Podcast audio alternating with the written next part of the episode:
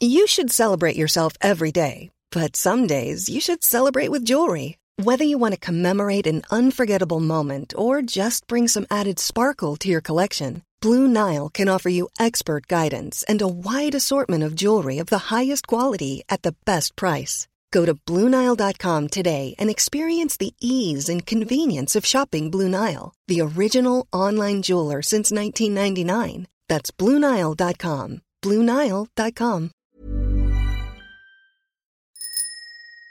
Ukas annonsør er mobilselskapet Ice. Er du under 29 år og kjenner at du har lyst på litt ekstra penger inn mot sommeren og ferien, da bør du høre godt etter nå. Ice Ung er nemlig et billigere abonnement for deg som er ung, og gjør det enkelt for deg å spare penger på abonnementet ditt. I stedet for å bruke masse penger på mobilabonnement, så kan du jo bruke penger på ferie, da, eller eh, musikkfestival for eksempel. Betal mindre og få like mye data som i de vanlige abonnementene. Les mer på ice.no. Hei, jeg heter Solveig Kloppen. Velkommen til Min barneoppdragelse, en podkastserie der jeg inviterer forskjellige gjester og snakker om deres oppdragelse. Foreldrerollen er jo kjent for å gi mye glede, men også frustrasjon. Hva gjør man f.eks. når det er fem minutter til morgenmøtet starter og treåringen nekter å ta på seg skoene, eller når 16-åringen oppfører seg som en hotellgjest i eget hjem? Jeg er ikke på jakt etter fasiten på den perfekte barneoppdragelse, hvis den finnes i det hele tatt, men kanskje kan vi lære noe av hverandres prøving og feiling. Og i tillegg så er det jo også litt spennende det her med oppdragelse, for hvordan du oppdrar barna dine kan jo si en del om hvem du er selv. La oss sjekke om det stemmer med dagens gjest.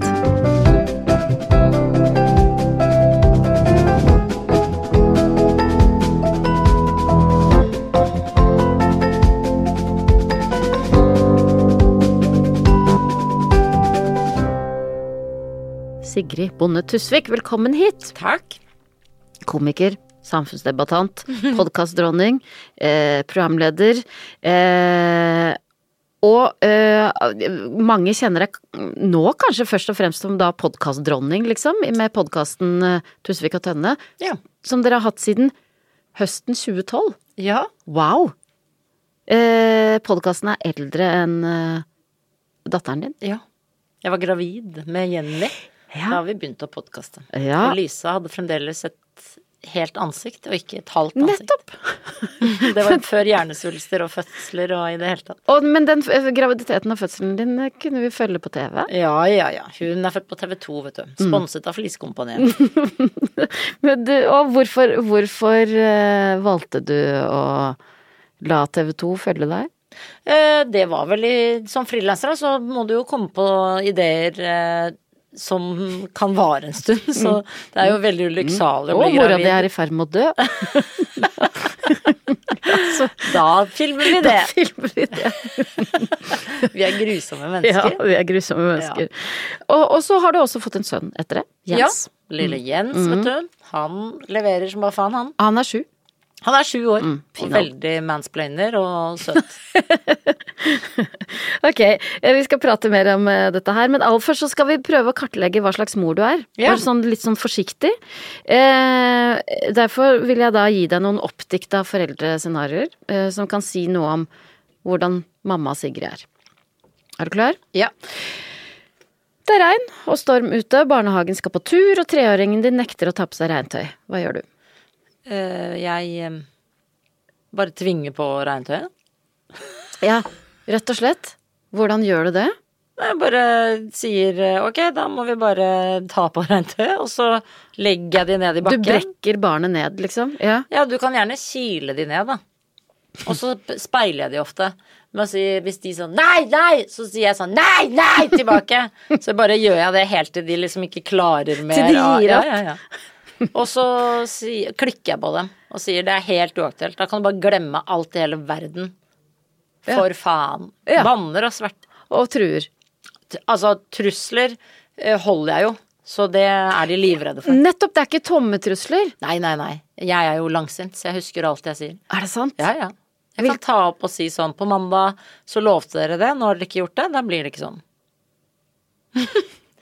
Jeg Og, husker alt. og fører det til at de stort sett gjør som du sier? Ja, eller også de blir veldig sånn i ansiktet sitt, så ser du at de tenker sånn Fader, nå blir det ikke sånn! Ja. Hva er det verste du har tatt bort av goder, liksom, fordi de ikke har eh, gjort som Nei, du har sagt? altså jeg hadde jo med dem nå på Tusenfryd en dag eh, eh, midt i uka. De skulle gå på tur med skolen siste uka før, så vi skulket skolen. Så kjørte jeg rett i Tusenfryd og tenkte at det var dritfett. Ja. Men så var de ikke blide nok. Så sa jeg det her skjer aldri igjen, bare så dere vet det. Dette er, og da sa jeg ikke det før vi dro hjem igjen, så sa jeg dere var ikke blide nok for ofrelsen som et rektorbarn gjorde for å skulke skolen, selv om det bare var tur for dere, så var dere ikke blide nok. Dere har sutret, dere er sure for at dere ikke vant den dumme greia. Nei, dette skjer aldri igjen. Det var synd for dere. Og da var de helt i sjokk. Jeg sa det vet dere, det skjer aldri igjen. Og da Og mener skjer, du det? ja, ja, det skjer aldri igjen. De kommer vi kan aldri komme til å dra på Tusenfryd, men ja. det er på en lørdag. Ja, nettopp. Blir ikke noe skulker ikke skolen, igjen, nei. De var ikke, for, de var ikke liksom takknemlige nok for ofrelsen, og da ble jeg veldig irritert på dem. Ja, men du, og når du sier det, da er det, begynner de å gråte, eller er de bare sånn Nei, da blir de jo bare sånn litt forbanna tilbake. Vi Ja. er veldig Altså, alle følelser er lov hele tiden, Ja. i bauger og kanter. Ja. Her, det, det er veldig viktig å rase ut der og da. Uh, Ok, nytt dilemma. Femåringen din insisterer på å få en rotte som kjæledyr. Hva gjør du? Uh, nei, da det skjer ikke noe rotte. Det blir ikke noe rotte. Hva, hva skjer? Altså, skjer det noe dyr, eller eh, Ja, kan jo da si kanskje fisk. Kanskje vi prøver fisk. Og så ga jeg jo fiskene til Siri Kristiansen. Da spurte Jenny nå kan vi dra og besøke de fiskene. Så sa jeg de er døde fordi de har vært to uker eh, i Kroatia. Og da sa han er det sant? Og så sa jeg ja ja, de er absolutt døde. hva? Fordi barna dine fikk fisker, og så og, Ja, de formerte seg noe voldsomt, de fiskene. Mm. Fordi man klarte ikke å se kjønn på de fiskene, så da var det fullt av fisk i den lille bolla. Jeg Mm. fikk veldig Jeg ble stressa. Så da bare ga jeg problemet til Siri, fordi jeg tenkte hun takler jo sånne ting mye bedre. Og så gjorde hun ikke det? Jo, det tror jeg. Men jeg har bare på en måte Jeg har bare sagt det igjen at de er døde. Jeg vet jo ikke om de er døde. men nå har dere ingen fiskere igjen, eller? Nei, nei, men nå har vi jo hund. Vi fikk jo koronahund. Nettopp. Ja, ja. Og nå sier de 'Å, jeg kunne ønske jeg fikk katt'. Så sa jeg nei, dere ville ha hund. Ja. Jeg vil ha katt. Jeg er jo heks. Jeg vil ha katt. Så sier de 'ja, men vi ville egentlig også ha katt'. Så sier jeg 'ja, men nå har du hund i 13 år, så får du katt etter det'. Din elleve år gamle datter har publisert hundrevis av lipsynk, sminke og dansevideoer av seg sjøl på TikTok. Ja. Hva gjør du? Uh, nei, det bryr jeg meg ikke noe om i det hele tatt. Nei. Um, men jeg hadde sagt eh, Jeg har kanskje sagt eh, gjør de andre det, hvorfor gjør bare du det hvis de andre ikke gjorde det? Men hvis de andre hadde gjort det, så hadde jeg sagt det skjønner jeg at man gjør. Eh, og så maner jeg jo snakket om dette med ekle folk på internett veldig mye med dem helt fra de var små. Så jeg snakker jo hele tiden Jeg har skremt dem noe voldsomt Ja, med at alle voksne er ekle. Ja, for det mener jeg. Fordi, og så lærer jeg, prøver jeg å si til dem at, at det er ofte de hyggelige som er ekle. At at det er derfor det er vanskelig å si fra. Fordi du får dårlig samvittighet. Fordi de som har vært hyggelige med deg, er de som har gjort kanskje ekle ting med deg. Så det er derfor det er vanskelig å være barn og si fra til voksne. Fordi du får kjempedårlig samvittighet. Fordi det, du faktisk er glad ofte, eller liker de menneskene. Derfor må vi alltid være på vakt. Dette prenter jeg inn, særlig på natta før de skal sove, sånn at de kan drømme om pedofile om natta. Eller jeg snakker mye om det, da. Ja, men har det ført til at de er skeptiske til hyggelige folk? Eh, Nei, for de er jo ekstremt godtroende til alle voksne. De er det, ja. Så Ja. jeg er jo veldig bekymret Ja, nå når ja. de er inn i, inn i skolealder, og det er jo pedofile døm, Dømte pedofile rundt eh, skolen der hvor jeg bor, som bor fremdeles der, og som går inn og ut av fengsel hele tiden med nye pedofile dommer. Sånn at eh, jeg tenker at det er veldig greit å være litt obs på det. Din 13 år gamle sønn har lånt PC-en din. Ja. Eh, Når du får den tilbake, så er søkeloggen full av ulike pornonettsteder og drøye pornosøk. Hva gjør du da? Da må vi lese Sesam Sesam-boka til eh, Gro Dale på nytt. Fortell. Det er den vi leser hele tiden. Den har jeg jo lest fra de er altfor små. Og så barnevakter må også av og til lese den. Og syns det er litt ubehagelig, for du må lese sånn porno-barnebok til barn. hva- Sesam Sesam handler jo om en gutt som ser porno, og så eh, på rommet, og så Det er på en måte voksen eh, Hvordan voksne reagerer rundt det at barn har eh, sett pornografi. Eh, fordi det skal jo ikke være noe skamfullt å ha sett porno. Eh, fordi porno er jo veldig lett tilgjengelig eh, i våre dager. Eh, og så da, da handler den jo egentlig om eh, Boka handler egentlig om både hvordan barn reagerer, og hvordan voksne reagerer, og hvordan vi egentlig bør reagere, og at det ikke er så skamfullt, da. Eh, mens jeg eh, er jo ikke en pornobruker, for eksempel. Altså jeg har jo et veldig sånn vanskelig forhold til porno. Eh, så jeg eh, prøver jo også som feminist å fortelle folk, og barna mine da, eh, at det ofte ikke er frivillig, selv om man sier liksom at jo, det er godt betalte mennesker og sånn, så er det jo ikke Jeg vil jo ikke si at liksom alle i pornobransjen har lyst egentlig å være i pornobransjen, men du venner deg jo til ting. Man venner seg, så da ender man kanskje der. Men er målet ditt at barna dine skal ha et mindre komplisert forhold til porno enn det du har? Nei, jeg vil helst at de har, også er imot porno, egentlig. Eh, fordi før det blir Altså før pornografien blir likestilt, og det ikke er eh, grabbete, ekle menn som står eh, bak, som det jo veldig ofte er, eh, så vil jeg jo det. Og så, og så vil jeg jo på en måte at eh, særlig Jens, da, jeg er ekstremt opptatt av at Jens liksom For han er jo sju år nå, så han skal jo begynne å se porno hos kompiser, eller kanskje finne det selv, eh, i sånn gjennomsnitt. Mm. så da prøver jeg å si til han at det man ser eh, er ikke helt eh, sånn som virkeligheten er, fordi det er jo komprimert, litt sånn som en TikTok-video som skal vare i ti sekunder. Så, er, så ser du jo en matrett som da blir lagd på ti sekunder, men vi vet jo at det tar to timer å lage mat, ofte. Så god mat som du ser på TikTok, for det er spolt. Og litt det samme med porno, at det er veldig raskt, eh, raske trinn. Og at man alltid bør eh, ta det med ro og spørre, og spørre folk om det går greit. Og dette føler jeg at eh, han skjønner jo ingenting av nå, men jeg bare prenter det inn i hodet hele tiden. Husk at jenter kan si ja, men så mener de nei. Dette sier jeg hele tiden til han. Sånn at han Det skal bare Ekko skal bare ligge Ja, ja, der. Dessverre. Ja. Når han ligger med folk, så skal hans mors stemme ligge i, i hypotenusen. Det er bare trist. Din 14 år gamle datter vil melde seg på en nasjonal sangkonkurranse som sendes live på TV. Du vet at hun absolutt ikke kan synge. Ja. Hva gjør du da? Uh, nei, da hadde jeg jo eh, sagt skal du ha med en Kanskje ha med en venninne. Og så prøvd å finne en venninne som, som kan synge. Men jeg eh, prøver jo å få barna mine til å ikke melde seg på Altså, de skal ikke være på TV. Nei. Det er jo det dummeste du gjør mot et barn. Er å få dem til å tro at de er kjendiser fra de er 10 Ja, eller 12 eller 15. Har de ikke barnet ditt så vondt. Men har de hatt noe ønske om å være på TV? Eh, nei Jo, Jenny er jo født på TV. Litt stolt av det, kanskje, men eh, ikke noe sånn Hun går jo ikke rundt og sier det kanskje som en sånn Hei, jeg heter Jenny, jeg er født på TV. For hva tenker du at det kan gjøre med et barn om det kom mm, på TV altfor tidlig? Jeg tror at eh, det ikke er sånn veldig bra. Så jeg tror at uh, Det er ikke bra for folk AI bør generelt, inn der, ja. faktisk, og begynne å bare lage, lage ungdomsserier med AI istedenfor uh, Det er ikke bra for folk i det hele tatt å være på TV. Nei, vi er jo heller ikke Ja, vi er jo vi burde heller ikke vært Mm, Nei, på ingen måte. Din 16 år gamle datter spør om å få dra på fest. Eh, Du vet at det kommer til å være alkohol der. Ja. Hva gjør du da?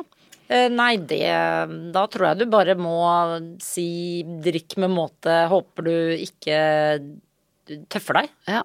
Ring hjem om det er noe. Ja.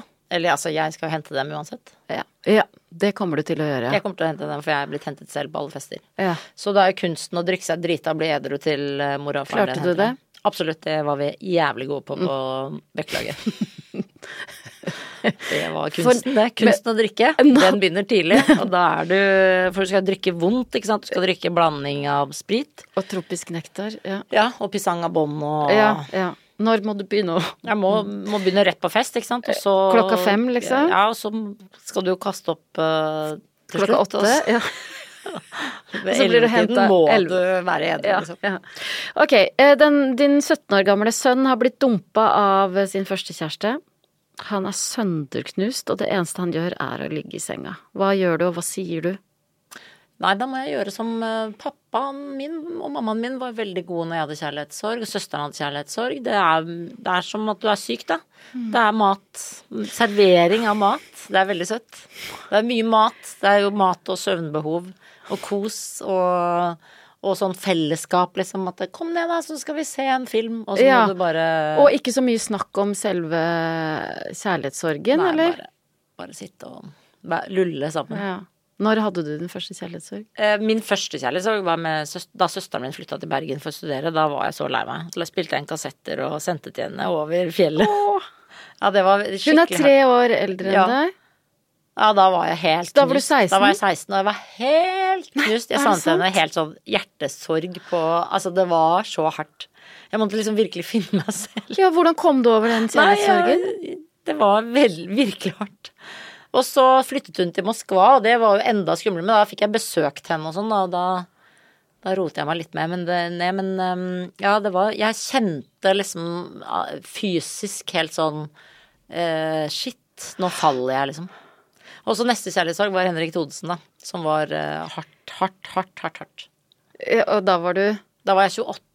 Ja, ikke sant. Men det var, vel, det var midt i bruddet med Blymandag, og de begynte å lage torsdag fra Nydalen og Det var altså, mye jeg, sau- Og jeg mista jobben min i Rikeste Røst og ble erstattet av Pia Haraldsen. Altså det var virkelig Avvisning på avvisning. Jeg, var, jeg, jeg, jeg falt uh, i alle Både uh, liksom følelsesmessig, jobbmessig og um, kreativt messig. Det er liksom vennskapsmessig. All, alt falt sammen.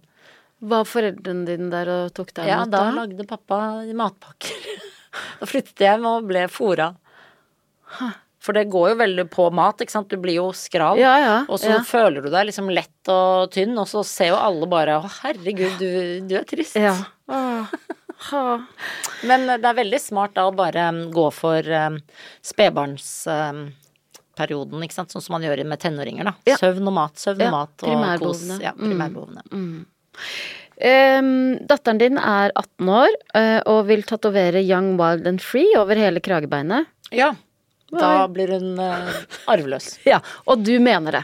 Ja, ja, absolutt. Altså, da, da får hun ikke noe arv. Pluss at uh, jeg kommer til å si det er det styggeste jeg har sett i hele mitt liv. Og jeg, og jeg har sagt det Altså, jeg har sagt så mye at det er faktisk problematisk når vi møter folk med tatoveringer. For jeg vet sånn Å, nå kommer barna til min til å si at det er så stygt.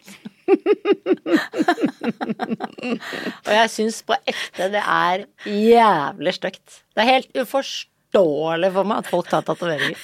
Altså, jeg bare Er det mulig? Kunne du ha vært sammen Og så syns jeg det er så gøy at det er så mange, så det er, sånn, det er ikke unikt. Så bare Å, fy faen. ja, men hvis, du, Se på den gjengen der. hvis du møter en fyr nå uh, som du uh, liker skikkelig godt og, Ja, han, jeg jeg syns det er vanskelig. ja, og han kler av seg, og så viser det seg at Jeg han har en møtte jo en fyr før jul, for eksempel. Han hadde tatovert konas, altså ekskonas navn på kroppen, og det var spesielt. Ja, det da tenkte jeg ja. bare dette er sånn Dette dette er sketsj, liksom. Det er sketsj om å ligge med folk med eksen på, på kroppen. Ok, vi har fått en liten følelse av hvordan du er som mor, eh, og nå skal vi undersøke hvor denne her moren kommer fra. Ja. Eh, vi skal grave mer i ditt liv, for du har jo også blitt da oppdratt av noen. Det. Eh, oppvokst på Nordstrand sammen med foreldrene dine, lærebokforfatter og rektor Elin Bonde, Ja. og forlagsredaktør Sverre Tusvik. Ja. Sverre, Sverre Tusvik fra Høyanger. ikke sant? Vestlending. Mm. Og så din tre år eldre søster Ane. Mm. Hva er det du husker best fra oppveksten din? Oppdragelsesmessig? Ja, eller Nei, vi hadde jo sånn lørdager, veldig mye sånn fellesskap. Det er bare oss fire, alltid vært. Vi hadde ikke noen besteforeldre i nærheten, så ikke noen barnevakter. Bare oss fire hele tiden. Fire, fire, fire. Feiret julaften hos fire, nyttårsaften hos fire. Mm. veldig mye sånn tradisjoner. eh, eh, hva heter det, barnetimen for de minste, klokka fem. Eh, eller barnetimen heter det kanskje. Ja, bare. Barnetimen for de minste. Ja, det het for ja, de minste, Ja. ja. Klokka fem hver lørdag. Ja, og da vi spiste grøt først, med fårepølse til. Og på flate tallerkener, ikke dype tallerkener. Grøt på flate tallerkener. Ja. Eh, Risengrynsgrøt på flate tallerkener. Jeg tror det er kanskje er Hadde dere ikke- vestlandstradisjon. Jeg vet ikke. Og så Eh, ja, da, da pyntet vi oss. Pynt, og det gjør Ja. mamma og pappa ennå. De pynter seg. I Til går hadde de pynta seg til VM-finale i friidrett. Da gjør de det liksom enda større enn det Ja, ja, ja. De er veldig søte. Dette gjorde vi hele tiden. Lørdager pyntet vi oss. Før vi grøt show, eller før Nei, klokka fem? Etter grøt. Etter barnetimen, for det minste. Vi lagde sjokoladefat med store Alt må deles. Flatt, flatt fat. Flatt fat. Absolutt. Glassfat. Med da i, i border. Det var veldig gøy å lage mønster og de, delte opp sjokolader. Kvikk Lunsjer, Troikar, Mandelstang, Lohengrin eh, som lå rundt. Så Alle skal mye dele. sjokolade? Enormt mye sjokolade. Ja. Helt fråtseaktig, akkurat det. For det er ikke lov med smågodt, ikke lov med potetgull, ikke lov å grille. Det er kreftfremkallende. Ikke lov med mikrobølgeovn, ikke lov med popkorn, ikke lov med brus. Det er bare lov med eh, rød og gul saft og sjokolade. For alt annet er Og det er ikke lov å ha egne skåler. Alt må deles. Alt er i fellesskap. Det er sosialdemokratisk eh, sjokoladefat. Dette er eh, strenge regler som du har vokst opp med. Ja, ja. Og, og For vi har jo ikke konkurranse i, innad i gruppa. Så da var det også, hvis vi spilte spill etter barnetimen, så var det da spill som bare var sånn Der du hjelper den andre motparten hvis du ser at de henger etter. Nei. Jo. Ja, men det er, jo, det er jo ikke noe hyggelig for gruppa at én boms ligger langt bak i Ja, ludo. Det er jo noen som er født med et visst konkurranseinstinkt. Jeg tror alle vi er født med det, men det er dempet Det blir- noe enormt. Ja. Men, uh, og hvordan er det i dag? Er Nei, det det er, jeg prøver jo å dempe det nå. ja, for det ligger der. Jeg prøver, ja, prøver å holde meg unna sport. Og Ja. brettspill. For jeg merker at jeg kan bli glad hvis jeg vinner. Ja, men hvordan blir det da når dine barn spiller spill med andre barn? Det er det. Så nå var de eh, med, i sommerferie med fetterne sine, Ja. og de følger regler og har konkurranseinstinkt. Og da hadde de jo Da vi var da plutselig i NIS, jeg og Jenny og Jens, og spilte Uno på restaurant, og de hadde sånn kjempekonkurranseinstinkt, da sa jeg sånn Det kan vi ikke gjøre. Som straff må vi spille Villkatten. som er mye kjedeligere. Det var en kjedeligste spill. Veldig kjedelig. Sånn Reisevillkatten i tillegg, så enda kjedeligere. Ja, for da hadde de blitt skada av Ja, da ble søskenbarn. helt skada, skrek jeg sa, kan, og ropte sånn Nei, sånn! Og jeg bare Hei, hei, hei, dette er ikke sånn vi spiller Uno i denne gruppa. Jeg var helt sjokkert. Og de måtte ta meg i hånda før vi gikk ut på restaurant. Ta meg i hånda! Ikke noe skriking på Uno. Alle, alle lover og regler er lov.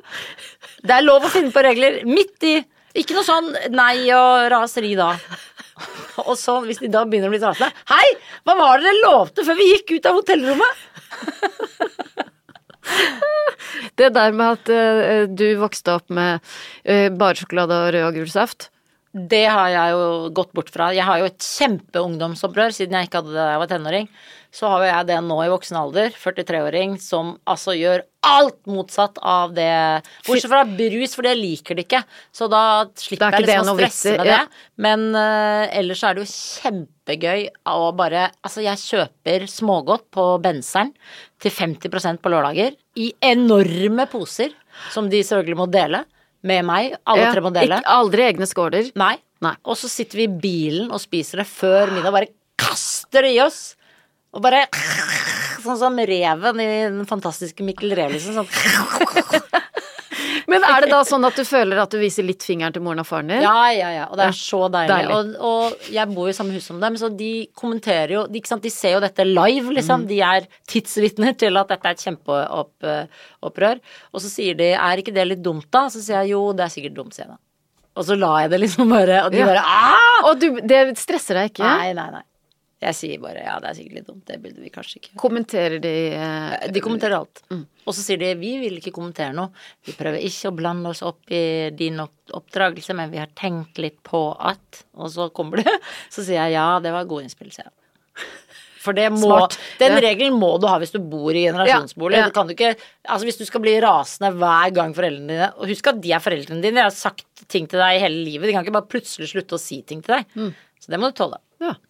Men det her med jeg synes syns jo de er Jeg har jævlig kule foreldre. Ja. De er jo supermoderne og framoverlent. Hvis de hadde vært liksom Jeg merka at de var gamle og treige og så bakover hele jævla tida, så hadde jeg sikkert vært gæren. Men de har, har hatt strenge regler, og de har hatt et veldig bevisst forhold til det å oppdra barn, da.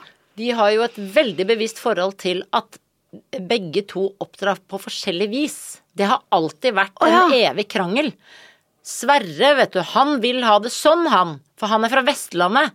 Men Ja. vi må gjøre det sånn. Det er typisk en idiotisk regel. det, det, det, det, det. Og så krangler de høylytt foran barna om at de har forskjellige eh, eh, meninger. Og hva kan det handle om? Nei, det er alt mulig. Nei, kan ikke ha det sånn. Jo, sånn må det være. Det er ofte mamma sant, som er rektor, som har de beste argumentene, og som vinner fordi hun er mor. Så mor vinner jo veldig ofte, føler jeg alltid, i alle familier.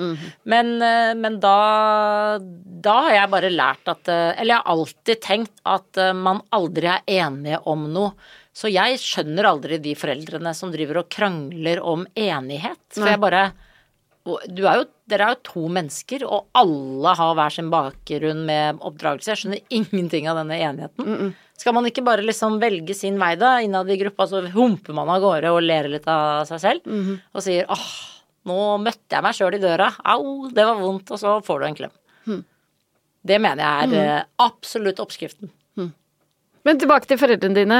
Eh, hva slags oppdragere var de? De var jo kjempestrenge. Hadde regler på absolutt alt. Og vi måtte inn og drikke kaffe med dem hver ettermiddag og spise is. Eh, dere, du og Anne var ute og lekte, og ja, så ble, dere vi ropt hentet inn, ropt inn. Uh, uansett hvor god lek det var, hvor mange det var i hagen, så ble vi ropt inn for å snakke med de voksne. Og vi sitte og snakke om uh, Ja, høre på hvordan de hadde hatt det. Og jeg sa jo ingenting, for jeg snakket ikke før jeg var 16, før søsteren flyttet ut, men jeg Nei. lyttet. Var du et stille barn? Ja, et stille barn. Fordi at du tenkte at uh... Nei, det var faktisk ikke plass til å prate. Nei. Altså, det var virkelig ikke ett sekund ledig tid. Men eh, da eh, er det jo veldig bra at du bruker stemmen din så godt i dag. Nå har jeg jo bygd opp da Jeg ligger jo 16 år bak, ikke sant. Så jeg avbryter jo alle og gidder ikke å lytte. Et forferdelig menneske. Men du, ja, det, eh, dere ble ropt inn, og det godtok dere. Ja, ja, ja, er du gal? Må jo følge reglene. Vi er jo superregelryttere. Lydige. Om vi er herre min hatt. Vi følger reglene. Mm. Vi bryter ikke reglene. Eh, og det mener jeg er veldig gøy. Jeg elsker regler. Samfunnet har sine regler, og jeg elsker Altså, Hvorfor det elsker- norske samfunnet har Ja. så mye regler. Elsker de. Hvorfor elsker du Nei, Jeg elsker at uh, vi holder oss unna hverandre på trikken og ikke begynner å rope og snakke eller eh, blander oss ikke og bare Oi, det var da voldsomt. Altså lar folk få lov til å leve sine liv, er stille, tenker jøss. Ja, men hva er det med regler? Er det Det er masse at det, regler i samfunnet som jeg elsker. Vi er veldig ryddige. Ja, det er, ryddig, det er et ryddig opplegg. Ja, ryddig opplegg. Du ser jo det i utlandet. Tenker du, fy faen, dere er sure. Mm. Jævla sinte. Altså, Frankrike er sure, tyskerne er sure. De er så sure. De våkner sure. Og bare kjefter og er sure på liksom De er sure på fortauet. Ja, mens går- Mens vi, i Norge er det veldig sjelden du ser Å, her var det sur stemning. Ja, og det tenker du er fordi vi har så tydelige ja. regler. og bortsett fra dette med at dere ble kalt inn til eh, kaffe og dessert, hadde dere noen spesielle rutiner eller tradisjoner i hjemmet? Jeg antar at svaret er ja. Ja, ja, vi hadde Altså, det er så mye tradisjoner at jeg Fortell. Vi har jo Det var ikke lov å se på TV mer enn liksom lørdagen. Da var det skru av. Da måtte vi spille gitar og synge viser. Eh, så var det jo um, Ja, vi, og så måtte vi lage Ja, vi lagde mye show. Vi danset. Pappa lekte løve, la seg på teppet, vi løp rundt. Eh, vi spilte tyske låter som mamma på LP-plater som vi danset sånn stammedans til. Det er kanskje ikke lov å kalle det stammedans lenger, men eh, det var det da. Eh, så var det lesing av bok, eh, selvfølgelig, da vi la oss. Mamma leste i en sånn ekkel, sånn kløete, blå plysjstol som klødde alltid, så det var sånn ubehagelig hvis vi måtte sitte på fanget hennes og høre. Så lovte i senga. Jeg var sengeveter, så da, tradisjonen min var jo da å tisse på meg om natta. Mamma og pappa hadde plassert en samurai eh, eh, Altså en uniform, eller hva heter det? Soldat... Ja, samuraidrakt. Som vi har arvet av tippoldefar, som da står i et hjørne for at jeg ikke skulle gå inn til dem da. Men det gjorde jeg jo helt til jeg var 13. Ja. Så jeg gikk inn til dem, men jeg var da livredd forbi den samurai-drakten da, for løp for harde livet for å komme inn på soverommet. Så jeg var jo veldig sikkert et irriterende barn siden du kommer opp i senga til du er 13, men mamma satte pris på det, tror jeg. Men, For eh, minsten er man jo liksom Å, ikke sant, ja, Man vil jo ha til å Kom, være kom, kom. Ja. Men um, det høres ut som dine foreldre var, har vært og er gode til å lage greier rundt ting. Vi la- spiste jo Det var lov å ønske seg hva man ville på eh, julaften. Da, da ønsket jo jeg og søs, altså søsteren min og jeg reker, så vi spiste jo reker i mange år på julaften, som er et veldig rart valg. Bestemor, som er fra Voss, ville ha pinnekjøtt. Vi bare Det får du ikke. Her er det barna som bestemmer på julaften, for det er barnas dag. ja. Så da spiste vi pølsene, pølser litt til pølser. Wienerpølser hvis det var da for liter i. Men du, eh, eh, dere, du vokste også opp i et hjem hvor det, det var ikke dører? Nei, det er ikke lov å lukke døra. Det er Det er jo lukke 100 år gamle dører, så det går ikke an å låse dørene. Eh, men det er heller ikke lov da du, Når du blir tenåring, så er det strengt forbudt å låse, låse døra på badet, f.eks. var ikke lov. Og ikke lov å lukke døra. Det var særlig fra vi var tenåringer, for mamma var jo ungdomsskolelærer, og eh, det var jo før folk snakket om psykisk helse, men hun var jo sykelig opptatt av psykisk helse, så hun var jo da Da liksom snudde reglene når vi ble tenåringer. Fordi eh, da vet, visste jo mamma hvordan hjernen til en ungdom er, så da var det mye mer Ja, da ble det mye strengere regler, eh, som ble mye mer konsekvent. Det var ikke frislipp, og så var det eh, mye mer sam... Altså mye mer prat, og, ikke sant, fordi da sier du 'jeg vil ikke prate om det', eller Ja. sånn, og da var det mye mer at de gikk inn på rommet, okay. satte seg på senga, mye mer enn da vi liksom var elleve. Ja. Så da økte liksom mamma mm, praten og egentlig samværet for at vi Ja, og ble, vi ble presset ut i stua selv om du ikke ville, og du var tverr og sur. Og du smalt med dørene, så måtte du likevel ut igjen. Du kunne godt sitte der og være sur, men du måtte være sammen med familien. Du, måtte, du, du fikk ikke lov å sitte på rommet. Det var heller ikke lov til å spille musikk på eget anlegg på rommet. Det måtte du gjøre da i stua, så måtte vi andre tåle den musikken. Og vi andre måtte også få lov til å spille da litt musikk, men du kunne på en måte siden søsteren da ofte var eldst og mest vanskelig i tenåra først, liksom, før jeg kom, og ble også vanskelig, så var det da liksom Hun fikk lov å spille litt CC Cowboys høyt og sånn, og så fikk jeg lov å spille litt uh, dum eh, musikk. Åge Man Aleksandersen, skulle- som jeg ville spille.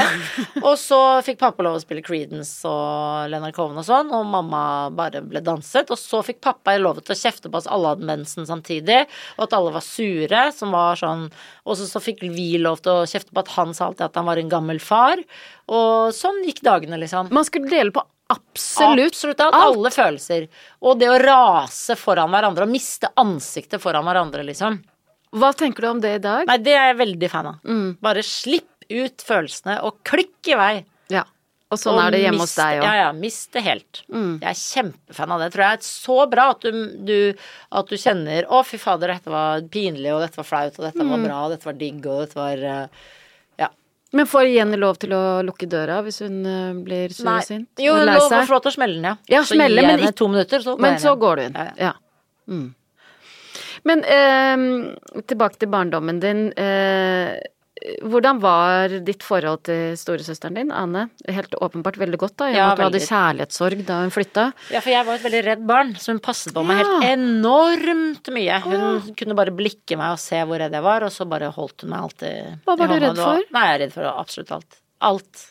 Redd for brann, redd for tyver, redd for spøkelser, redd for mennesker, redd for eh, ja, absolutt alt bortsett fra å deklamere dikt, siden vi gikk på Suttung. Så du kan Terje Vigen, Vigen utenat. Foran folkemengde var jeg ikke redd, men eh, jeg var redd for alt mulig annet. Ja, redd for eh, ja. Redd på skolen, redd, på, redd for alt. Hvor kom den redselen fra? Nei, jeg vet ikke. Jeg tror vi er kriseromantikere i bånn. Det renner kriseromantikk i I- årene fra bondeslekta. Ja. Bonde er Det er mye engstelse i bondeslekta. Ja.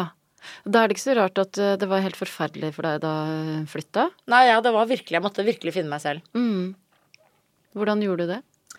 Eh, Jeg eh, måtte bare Ja, jeg begynte vel vel Jeg begynte jo med skolerevy og sånn, da. Jeg måtte på en måte gjøre det hun ikke hadde gjort. Gjorde ting som hun Jeg hadde jo bare gjort det, alt det hun hadde gjort. Ja, Så, da, hun var veldig skoleflink eh, og ble akademiker. Ja. Mm. så da ble jeg um, skolerevyjente istedenfor. Følte du at dere ble oppdratt likt? Nei, det ble vi ikke. Hun hadde helt andre regler enn meg, oh, ja. fordi hun er mye mer følsom. Så hun ble tatt hensyn til på en helt annen måte enn det jeg ble. Fordi hun er eh, Hun har eh, følelsene utenpå kroppen, og hun Det var alltid hensynet til hennes følelser først, fordi Og det var helt Greit. Ja, ja, det var absolutt helt greit. Fordi hun går inn i et rom og kjenner på alles følelser og sånn, og da Det Det, er jo mye vanskeligere. Jeg kjenner jo Skjønner jo ingenting av folks følelser. Jeg dundrer jo på for sjokk når folk blir sure på meg. Men jeg vet at jeg er et ubrukelig menneske, da. Det føler jeg. Ja, men sånn i forhold til barna dine, kjenner du på deres følelser? Kan du Ja, det gjør jeg jo. Der- Jeg kan se på dem og vite Og hvordan de vite, har det. ja. Mm. Oppdrar du de to ulikt? ja, absolutt. Veldig opptatt av det. I'm Sandra, and I'm just the professional your small business was looking for. But you didn't hire me because you didn't use LinkedIn jobs. LinkedIn has professionals you can't find anywhere else, including those who aren't actively looking for a new job but might be open to the perfect role, like me. In a given month, over 70% of LinkedIn users don't visit other leading job sites. So if you're not looking on LinkedIn, you'll miss out on great candidates like Sandra. Start hiring professionals like a professional. Post your free job on linkedin.com/achieve slash achieve today.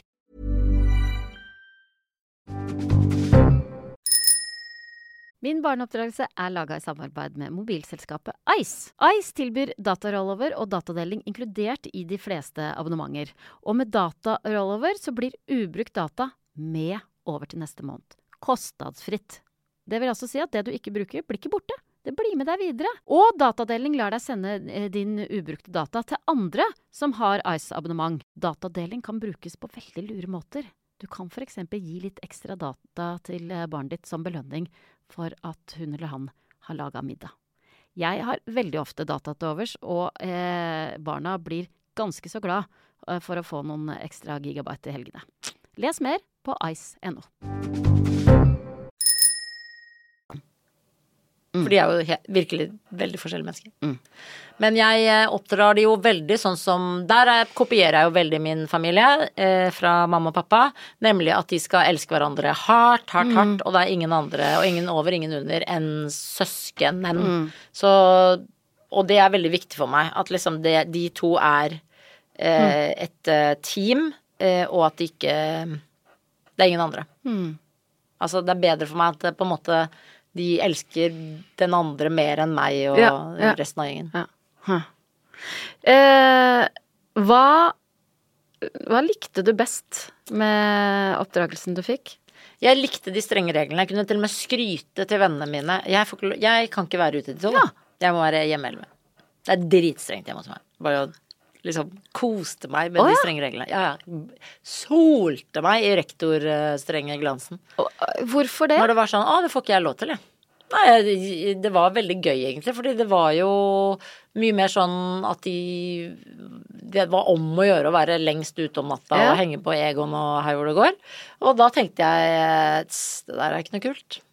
Jeg det, jeg, men jeg syns jo ungdomstiden var grusom. Jeg bare satt og ventet til jeg skulle bli voksen, liksom. Jeg syntes det var helt forferdelig. Jeg bare åh, dette Hvorfor det? er Nei, det er jo en jævlig sånn tøffe seg-periode som er dritkjedelig.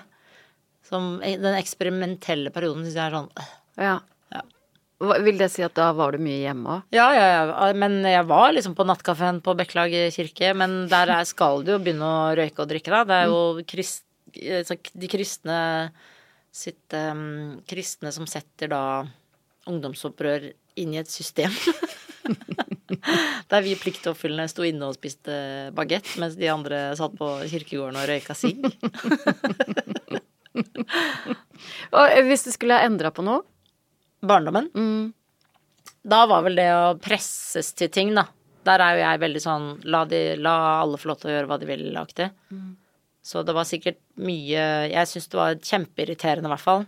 Hva ble du pressa til? da? Nei, det var jo det der med eh, nå er vi felles i rommet. Altså man, man fikk liksom aldri eh, vært eh, egentlig litt sånn eh, Ja, sittet da på rommet sitt Eller vi, vi gjorde jo det òg, egentlig, men jeg kanskje trengte mer av det da enn Ja. eh, de andre. For nå, eh, i tenårene så er det jo mange som trenger liksom å få lov gå, gå Reise innover, være litt alene.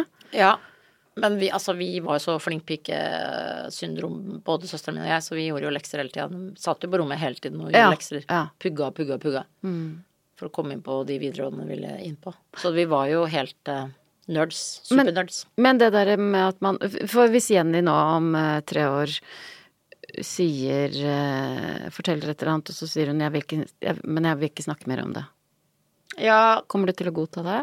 Eh, ja, eller altså Jeg kommer til å hale det ut på en eller annen måte, men jeg, jeg, eh, jeg er ikke så bekymret for det, egentlig. Nettopp fordi jeg liksom tenker at det, det kommer jo fram når man, eh, når man har fått lov til å være seg selv hele tiden, tror jeg det kommer fram. Selv om det kanskje ikke sies akkurat der og da. Så um, Pluss at jeg har lært Jens å tyste, så han kommer til å si det. For han er sånn som meg, som tyster. Har du alltid vært en Ja, tyster? ja, alltid tyster, og det har jeg heldigvis er, Heldigvis går det i arv. Og, for- og forteller du da Jenny at det er Jens som har tysta, eller? Ja, han sier det rett foran Å meg, ja, så blir ja, det veldig dårlig stemning. Ja, ja. Og så, ja. Men da er det jo liksom De er jo ikke noe redd da for at de skal få kjempekjæ... Altså, da er det jo ah, det, Altså Ferdig. Ja, altså vi, da, ja, nei, vi slipper det jo ikke, dessverre. Så Nei, du er hele langsynt, Ja, ja. det snakkes jo hele tiden om. Snakker jo om det nå. Hva, hva, hadde skjedd forrige Hun hadde tatt noen ballonger eh, fra skolen og sprukket i det. Det var sånne velkommen førsteklassinger-ballonger. Men da hadde de hengt der i tre dager, da. Ja. Men da var jo rektor Elin Bonde veldig på. Det der, det der må vi ta tak i. Det var som at hun hadde røyka weed midt i skolegården. Ja, den mormor ble sint. Mormor syntes ikke det var noe kult. Mm. Og jeg eh, elsket jo at Jens tysta, og Jenny elsker jeg jo er fri. Så alle fikk lov til å være seg selv, i hvert fall. ja. Og så måtte hun gå til rektor. Nei, jeg vet ikke om hun har gjort det, men Nei. eh, hun fikk i hvert fall beskjed om at hun skulle gjøre det. Men jeg sier jo ikke sånn Var du innom rektor Å og nei, det gjør du ikke. Nei, nei. Det ville jeg ha gjort. Å ja. Ja. Hvorfor var det så viktig at du skulle gå til rektor og be om gelé? Hvis det er en del av avtalen, på en måte? Å ja, nei, vi har ingen Å avtaler. nei, å nei. Man lager ikke avtaler. Nei, der er jeg dårlig. Jeg, fordi jeg nettopp er veldig impulsiv, så tipper jeg jo at jeg eh, er dårlig på å si 'dette var avtalen'. Men Ja, ja, du- ja. men jeg, ja, jeg, jeg vet ikke. Jeg har jo en del avtaler, men det er greit for meg at på en måte ikke ting blir sånn som det blir. Ja, ja men uh, for hvordan er det hjemme hos dere? Nå er barna syv og ti. Uh, har de Så noe hvis jeg sier jeg skal hente dere halv tre, Ja. og så har de gått hjem halv ett, Ja. det gjør meg ikke noe. Nei. Men uh, det gjør kanskje mamma og pappa litt nå. At de sitter der i to timer. Ja, men har de begynt å få noen plikter hjemme? Ja, de kaster jo søppel og sånn, men det prøver jeg jo å ikke Jeg prøver ikke at det skal være sånn Det er din oppgave. Okay. Jeg prøver å si sånn Hvis du ser en søppelpose, så tar du med deg det søppelet. Ja, fordi at alle må bidra i en Ja, for jeg liker ikke det derre Det er min oppgave. Men kanskje det er veldig bra for barn å ha sånn Det er min oppgave. Jeg vet ikke. Jeg ja. sier sånn Ja, hvis du vasker badet, kan du jo få 100 kroner Da må du vaske bra, da. Ja. Og så vasker jo Jens badet. Veldig ofte. Ja. Men eh, Bra. Ja, så sier jeg det var ikke så bra vasking, den. Du vasker jo med håndkle først på doen og så på vasken. Nå må jeg vaske etterpå. Men de bør vel få litt oppgaver nå snart. Men Ja, det eh, kan være voksne er så redde for ting, så jeg, jeg blir så redd for liksom at de skal skjære seg og sånn, så vi lar jo Å, dem ja. ikke skjære med kniv og sånn ennå. Det kan de begynne med nå, kan de ikke det? Nei, det får jeg helt Jeg er jo ordentlig kriseromantiker. Jeg ser jo for meg at blodet spruter på kjøkkenet. Ja, og så Jeg tenker at det er livsfarlig. Da dør de. Nei. Nei, de overlever. Ja, hvis de får kutt i fingeren. Det gjør ikke noe, det. Nei, de bør De jo kanskje overleve det. det. Ja, ja. Ja, nei, jeg er jo veldig redd for det. De får jo stakkars ikke lov å sykle ut på veien engang. Nei, gjør det ikke? Nei, altså jeg eh, sykler i sånn der eh, elsykkel som jeg syns er så koselig. Ja, Og har de oppi Så- kurven, liksom? Ja. Hvor lenge skal de holde på med det? Nei, det det? burde jeg vel kanskje slutte med nå. Det er jo ikke plass til mer. Ja, men det der kommer jo til å bli en konflikt for deg på et eller annet tidspunkt. Det at du ikke lager Du inngår ikke avtale med dem, Ja. men samtidig er du redd for dem. Så hva skjer når Jenny blir 16 og skal på fest? Ja, det blir grusomt. Ja, for at du kommer Da må Nå har du jo SnapMap og sånn, altså du kan jo sitte og følge med på de Å ja, kommer du til å følge med på dem? Ja, i hvert fall hvis du har Snap. Det straffer Ja. seg jo. Da sier jeg jo ikke hvis du laster ned Snap, Mhm. Da er du overvåket. Ja. Av både meg og Kina og USA og ja alle hvis, du, sammen. hvis du ser at hun er øh, ikke At hun har liksom øh, Du ikke kan se henne på kartet lenger. Ja, da får jeg panikk. Ja, da får du panikk. Men kommer du da til å lage avtale, prøve å inngå avtale med dem og være hjemme klokka to?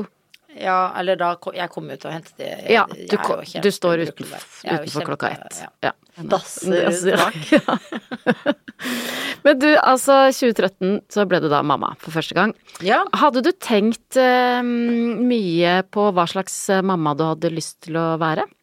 Uh, nei, egentlig ikke annet enn at jeg uh, spurte alle jeg kjente som hadde født og sånn, om råd, og på en måte slukte til meg alle, alle tips og råd og sånn.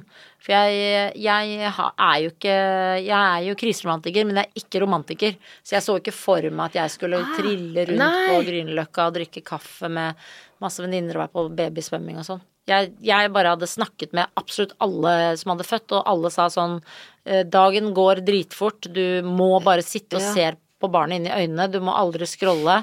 Eh, Så jeg fulgte bare alle de reglene. Nettopp. Så jeg satt bare og så inn i trynet på det barnet, og så Jeg eh, er veldig sånn nær Det var det eneste jeg liksom tenkte. Jeg skal være helt nær de, helt oppi dem eh, hele tiden. Og det tror jeg er det aller, aller viktigste. Det er bare være helt nær, liksom. Hud og klem og vise hvem man selv er, og vise sine sårbare sider og følelser og vise at man er et menneske og er helt ubrukelig, og kanskje en liten helt av og til. Har du, blitt, har du oppdaga noe nytt ved deg selv etter at du ble mamma? Eh, nei, jo, altså jeg har jo mm, blitt mye reddere. Ja, eller jeg var jo redd da jeg var liten, men jeg er jo veldig engstelig. Jeg er jo redd for absolutt alt. Jeg tror de skal drukke. Jeg kan stå på ved bassengkanten og tenke 'nå dør de', mens jeg ser på at de svømmer, og de kan begge to svømme kjempegodt. Så jeg, tenker sånn Dette er så slitsomt å være så redd for ting. Ja. Stakkars deg. Ja, men jeg, det er jo veldig um, koselig å være redd for barna sine, da. Og elske de, liksom. Det er jo en sånn måte å elske de på, men jeg prøver å ikke vise det sånn. Jeg roper sånn 'vær forsiktig, vær forsiktig', men så jeg syns jo det er veldig koselig og at noen står og roper 'vær forsiktig'. Ja. Og syns de det òg? Eh, det vet jeg ikke, det bryr jeg meg ikke noe om. Mm, Nei, Kan ikke ta hensyn til at barna sier 'å, det var irriterende at mamma var så redd for kan oss'. man ikke? Nei, det Altså, de må jo bare si 'herregud, hun var hun var engstelig, hun der eh, mora mi'. Det skal ikke jeg være en jævlig stor, kan du si da. Ja. Men, må, det er jo at du er deg selv. Du må være deg selv. ja. Så må ikke drive og mm, ja, men, men begrenser du livene deres fordi du er engstelig? Litt på den syklingen, kanskje, da. Men det er jo masse, masse, masse biler eh, som scroller. Altså, jeg stoler ikke på en bil. Og jeg orker ikke at barna mine dør i trafikken. Det er virkelig det Det er min store, store skrekk. Og jeg prøver å skremme dem så mye og si ingen sjåfører eh, skjønner Altså, de bare de, Folk kjører jo helt vilt. Er barna dine blitt redde? Ja, det prøver jeg å få dem til å være. Og så prøver jeg å forklare dem mye. Se her, se på all den tre- Se der. Se hvor fort de kjører. Sier alltid i utlandet. Her i utlandet, her kan man kjøre på folk, for her får du ikke fengselsstraff engang. Så her kan du bare meie ned fotgjengere. Og det sier de alltid sånn Her, vet du, her kan man drepe folk i trafikken. Jeg bare ja, ja. Disse landene her, de er for å drepe folk i Ja, for det er et mål for deg at du skal få barn som er like redde som deg. Ja. Nei, men jeg vil ikke at barna bare liksom Jeg skjønner ikke det derre Å, jeg er så stolt at du bare kaster Ja, deg ut i ting. ja. Ikke gjør det. Men eh, er det mye høylytt krangling hjemme hos dere? Ja. Det er skriking og klikking og raseri, og så er det latt, veldig mye latter da, og tull og tøys. Og, Og veldig mye barnslig tull og tøys, og masse bråk. Ja. Masse musikkbråk, og det er lov å liksom blåse i trompeter uten å kunne trompet og sånn. Og alle tåler det bråket og ståket, liksom? Ja, i hvert fall Jenny Jens og jeg, da. Jeg Ja. syns jo det er veldig gøy. Jeg har litt besøk, da kan kanskje noen bli litt stressa, men prøver å velge ut de folka som syns bråk er gøy, da. Ja. Jonas Bergland, for eksempel, hvis Ja. han er innom. Ja. Han uh, syns jo ikke bråk er gøy. Han har jo ikke barn og er lege og vil ha ting sikkert ordentlig. ja, ja. Det Da går han fort, da. Ja. Orker ikke. Kommer og spiser og går igjen. Ja. Men du, hva gjør du når barna dine absolutt ikke vil høre på deg? Eh, nei, da blir jeg rasende da og sier faen, eller kan vi ikke høre Du må høre på meg, da! Ah, Men jeg tror at de også ser at det liksom Det er ikke sånn Oi, nå sa jeg en faen heller, Ja. og mente det. Det er mer den der vestlandskjeftinga sikkert som jeg har lært av pappa. Ja, for der det er- ligger en sånn liten sarkasme og Ja. ironi hele, og et lite glimt i øyet hele tiden. Ja. På 'er du helt idiot', så Ja. er jo det, betyr jo det 'jeg elsker deg' på vestlandsdialekt. Så da, det er nok liksom det der å bli skjelt ut er jo et kjærlighetsspråk i min familie, så Mm. det og det jeg også liker, på en måte, er jo at eh, nettopp de mine barn tåler ganske mye kjeft, tror jeg, liksom. Mm. Hvis det er sånn god kjeft, da. Og rettferdig kjeft. Mm. Og så tror jeg de skjønner også at de liksom ikke er Altså, vi går videre og Kjefter de på vennene sine og sånn? det, Jeg vet ikke. Kanskje de gjør det? Å nei. Ja, hvorfor lager Står de sånn og Ja, ja, nå, tenker du at det ikke er bra? Jeg tenkte å nei, nå Jeg har ikke fulgt med på om barna mine står, er hjemme hos andre og står og kjefter på sånn vestlandsvis. Ja, hvis, ja, hvis de gjør det, er ikke det bra? Kanskje det. Kanskje det er bra å kjefte på vennene sine. Jeg kjefter jo på vennene mine. Ja. Men um, ja, jeg vet ikke. Jeg tenker at øh, ja, jeg, Det viktigste er jo på en måte at du, du er deg selv, og du får lov til å være fri, da. Fri i hjernen, liksom. Ja, men du, ja, for når du sier at uh, man, være, man må få lov til å være seg selv og være, ha, vise alle følelser og sånn, men, men uh, det er jo Man må jo klare å regulere òg, må man ikke det? Altså, jeg har jo en sånn oppfatning av at eh, du må oppdra på en måte sånn som eh, eh, familien din er, og ikke sånn som du så for deg at du skulle oppdra, eller du har lest at noe er lurt. Det tror jeg er en veldig dum måte å oppdra folk Ja. på. Og så har du liksom din bagasje som du også må godta. Som er sånn åh, jeg vet at jeg er sånn. Sånn som at jeg er kristromantiker. Jeg er redd hele tiden. Det vet jeg. Jeg vet at jeg arvet det av hele bondefamilien. Vi er redde. Vi er eh, flokkdyr. Vi må eh, ha familien nært. Så det var synd for de barna som ble født inn i dette. Ja, Og, så, ja. og man velger jo ikke sine foreldre, og så må du på en måte vite at du er et ubrukelig og usaklig menneske. Og de ser på deg hele tiden og tenker 'fy faen, det der skal i hvert fall ikke jeg gjøre når jeg blir stor'. Tenker jeg veldig ofte når jeg kommer med en eller annen sånn ting, så tenker jeg 'å, dette her er så gøy', for nå kommer de til å tenke inni seg 'det der skal jeg aldri gjøre'. og så ler jeg så godt av det. Ja. At jeg syns det er så søtt det der at vi er sånn. Alle er sånn. Det Ja. går fra generasjon Ja, ja, til generasjon. ja. Det der skal jeg aldri gjøre. Ja. Og så, Det er kanskje liksom da noe du mener er sånn Det er det viktigste at jeg gjør. Det er da det som de skal være i opposisjon. Ja, men sånn som med det å vise følelser, og at alle følelser er lov og sånn. Jeg vokste opp med en mor som sa sånn, ikke bli så sint. Er det nødvendig å bli så sint? For at jeg har mye temperament og Ja. kan klikke. klikke. Eh, og, så har jeg, og så har jeg gifta meg med en som syns det er ubehagelig når jeg uh, Klikker? klikker. Du Eh, fant din mor. nei. Nei, jeg gjorde heldigvis ikke det. Men, men, men, men også, Så han sier ikke 'ikke bli så synd'. Jo, han sier det litt. Ikke lag så mye styr. Han er, vestlend, han er vestlending. Lik, ha, en vestlending som ikke liker så Ja, sindig fyr. Helt fantastisk fyr. Ja, ja, ja. Men liker ikke så mye styr. Når lager du mye styr? Ja. Og da blir jeg eh, dobbelt rasende. Ja. Ikke sant? Så, men så tenker jeg også Jo, men, men jeg eh, Skal jeg få lov til å ra, være så hysterisk Ikke hysterisk, men å, å bli så høylytt og sint eh, når han syns det er så ubehagelig, skjønner du? Hvorfor kan du ikke det, da? Du må jo være Ja, deg selv. Han, ja, men han kommer jo også, jo også med sin bagasje. Men ja, hvordan kan man møtes der, liksom? Jeg skjønner ikke hvorfor du må møtes der. Nei, men skal vi ikke det?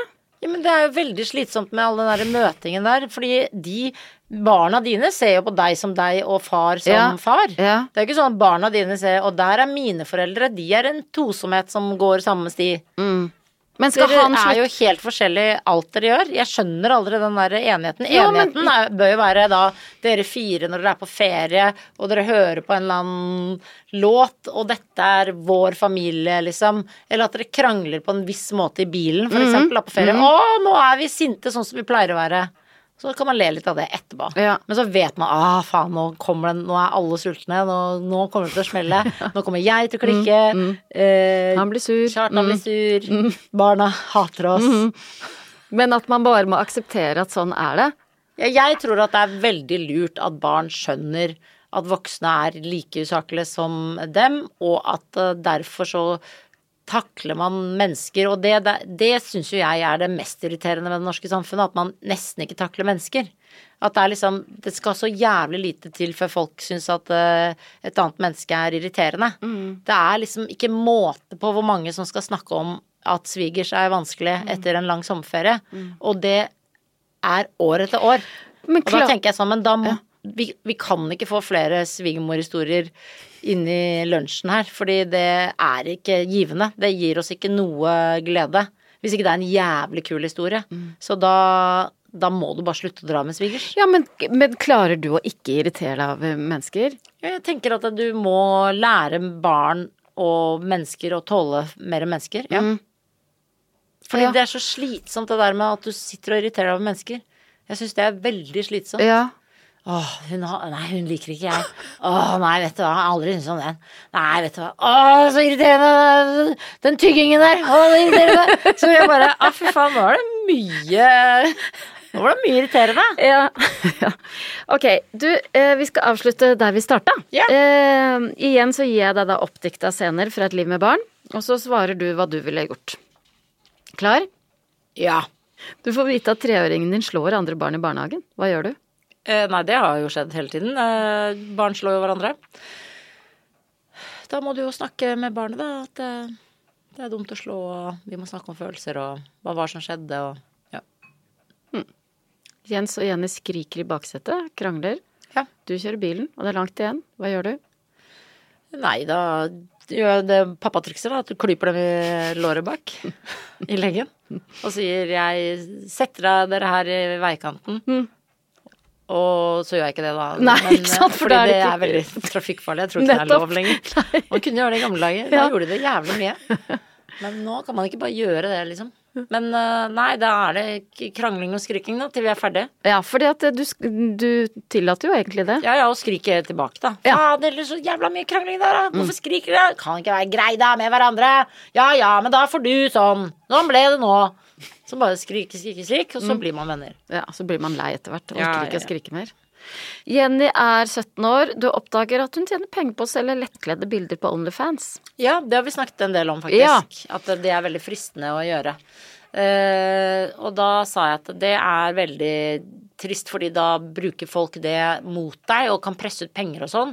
Og da blir du kjempeskamfull, og så er du plutselig inne i en kjempeond spiral der du er veldig, veldig redd og tør ikke å si til noen, og så er du kjempeflau, og så ser vennene dine, og så begynner du å bli helt paranoid. Så det bør man være veldig forsiktig med, har jeg sagt, er liksom å ta bilder. Eh, uansett om det er fristende, liksom, og til og med man kan tjene penger på det og sånn. Så jeg har prøvd å skremme dem, selvfølgelig. Ja, sånn som, jeg, Sånn som du holder på. Mm. Jens, er, um, Jens er 18 år. Han insisterer på å bruke alle sparepengene sine på russebuss, og planlegger å dra på russetur til IOS. Hva gjør du?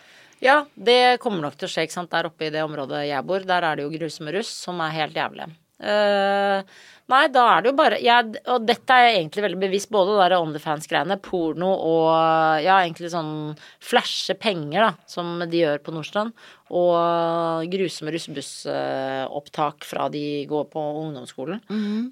så jeg prøver egentlig å innprente allerede nå liksom hva ikke- slags mm. holdninger man skal ha, og at det er kult å stå litt imot.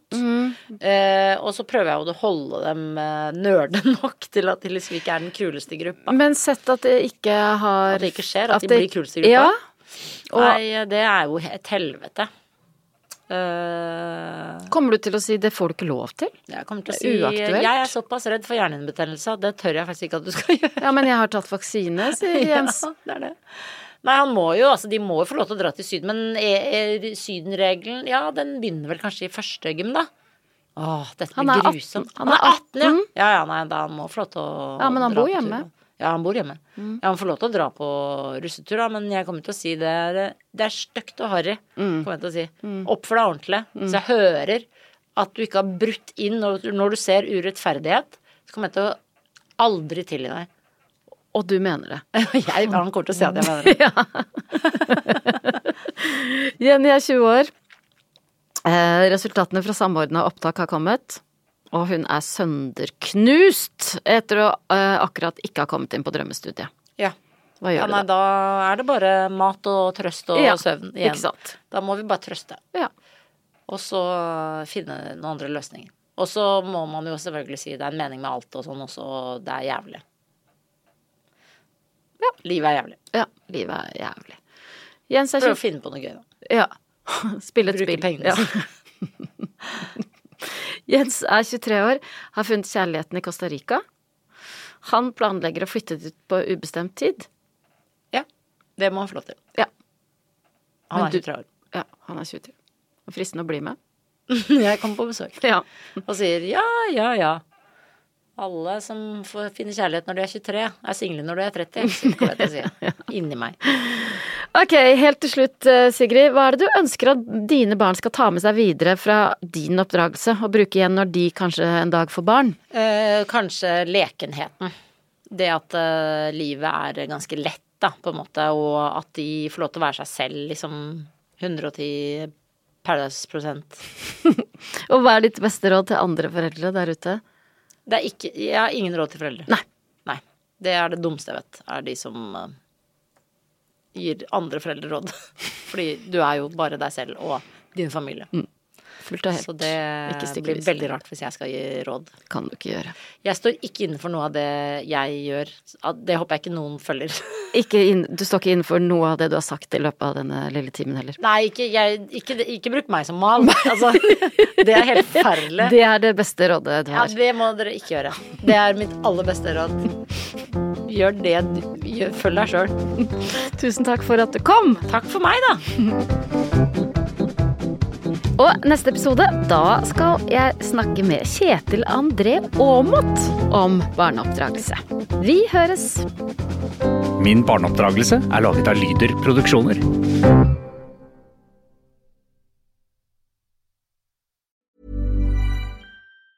Planning for your next trip? Elevate your travel style with Quince. Quince has all the jet setting essentials you'll want for your next getaway, like European linen, premium luggage options, buttery soft Italian leather bags, and so much more. And it's all priced at 50 to 80% less than similar brands. Plus, Quince only works with factories that use safe and ethical manufacturing practices. Pack your bags with high-quality essentials you'll be wearing for vacations to come with Quince. Go to quince.com slash trip for free shipping and 365-day returns. Hi, I'm Daniel, founder of Pretty Litter. Did you know cats tend to hide symptoms of sickness and pain? I learned this the hard way after losing my cat, Gingy. So I created Pretty Litter, a health monitoring litter that helps detect early signs of illness by changing colors, saving you money and potentially your cat's life. Pretty Litter is veterinarian developed, and it's the easiest way to keep tabs on your fur baby's health right at home. Go to prettylitter.com and use code ACAST for 20% off your first order and a free cat toy. Terms and conditions apply. See site for details.